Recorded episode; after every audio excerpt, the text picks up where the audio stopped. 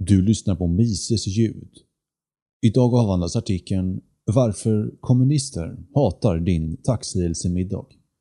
Författare Ryan McMacken. Svensk översättning av Jesper Bleke publicerades på mises.se 30 november 2020. Taxihälsedagen, eller Thanksgiving, har en brokig historia som amerikansk högtid. Dess senare ursprung ligger främst i statens försök att pracka på befolkningen sitt propagandistiska narrativ. Abraham Lincoln krävde till exempel att amerikaner skulle vara tacksamma för unionens framryckande armé och flotta under inbördeskriget. Och George Washington lärde amerikaner att visa tacksamhet för den nya konstitutionen 1789. Andrew Jackson vägrade driva sina väljare till obligatorisk tacksamhet, böneutrop och tacksägelse, men högtiden har kommit att användas av många andra amerikanska presidenter, speciellt i kristid.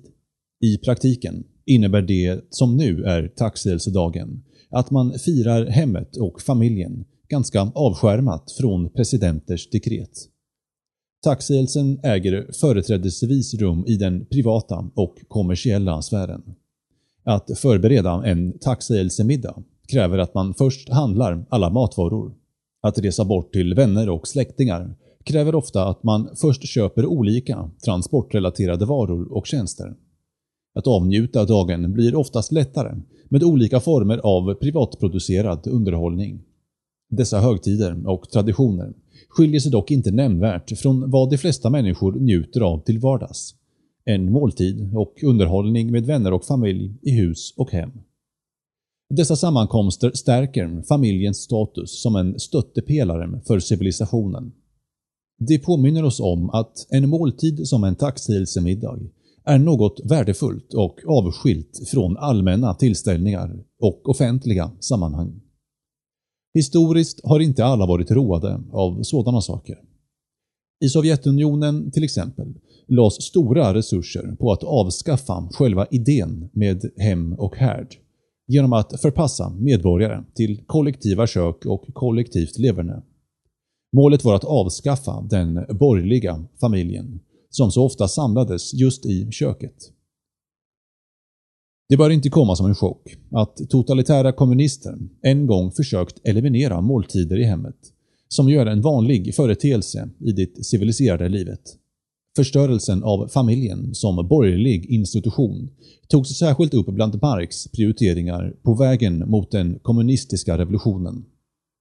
Efter att kommunisterna kommit till makten 1917 sökte den nya regimen ta itu med bostadsbristen genom att sätta ryssar i statligt ägda kollektiva lägenheter, kallade kommunalki, där sju eller fler familjer förväntades dela ett enda kök och badrum.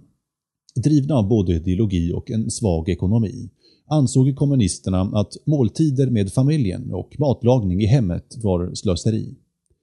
Man ansåg att både män och kvinnor skulle må bättre av att tillbringa sin tid i fabriker där de kunde bidra till att maximera industriproduktionen. År 1923 gav Lenins kommunister faktiskt ut en propagandapamflett med titeln “Ner med det privata köket”.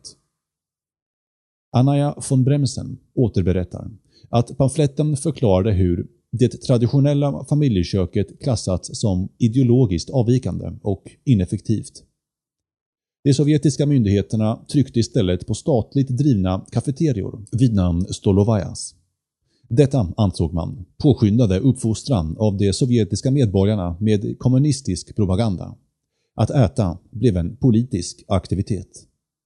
I vanlig sovjetisk anda var dessa nya matsalar allt annat än gästvänliga. Men ur den kommunistiska synvinkeln var det nödvändigt. Den viktigaste delen av Sovjettidens kökspolitik var att ha hus utan kök, säger den ryske journalisten Alexander Ginis. För ett kök är något borgerligt. Så länge en familj har ett kök besitter det någon typ av privatliv och privategendom. Många medborgare fortsatte givetvis att äta hemma under de hårdaste årtiondena med sovjetisk social ingenjörskonst men det var förknippat med svårigheter och fara. Som NPR, amerikanska motsvarigheten till SVT, rapporterade 2014. Köket blev en källa till spänning och konflikt. När relationen med kollektivgrannarna var som värst satte man lås på skåpsdörrarna. Familjer lagade mat i korta och pressade skift. De lagade mat i köken men åt i princip aldrig där, säger Masha Karp, som föddes i Moskva och arbetade som rysk redaktör för BBC World Service från 91 till 2009. De gick med sina grytor längs korridoren och åt på rummet. Med upp till 20 familjer per kök var det bäddat för konflikter och Jennys tillägger att kollektiva kök var en krigszon. Men att använda det kommunala köket med andra boende närvarande kunde också innebära fara för liv och hälsa. Detta eftersom alla illojala eller borgerliga uttalanden i vardagliga konversationer kunde leda till att man blev angiven till myndigheterna. Folk angav varandra, förklarar den ryska poeten Edward Senderovich. Man visste aldrig vem som kunde rapportera den. Därför var det bättre att hålla tyst och dra sig undan till sin kammare så fort som möjligt. Allt detta var en del av det leninistiska och stalinistiska målet att maximera produktionen och minimera onödig konsumtion i industrialiseringens namn. Kommunisterna ville försäkra sig om att Sovjet befriades från pråliga middagar så att den nya sovjetiska människan kunde uppstå snabbare. Som kontrast till detta skulle en amerikansk tacksägelsemåltid på 1800-talet framstå som konsumistisk och borgerlig för en leninist. Och det är ännu värre idag. Dessutom äger de flesta tacksägelsemiddagar rum i privata hem, långt från polisers och andra statsanställdas åsyn. Istället för att tillbringa dagen med att producera för samhället tillbringar miljontals och åter miljontals amerikaner istället dagen med att konsumera mat och underhållning och att njuta av sin ledighet. Det är svårt att föreställa sig ett scenario mer olikt det som målas upp i Ner med det privata köket. Det är något att vara tacksam för.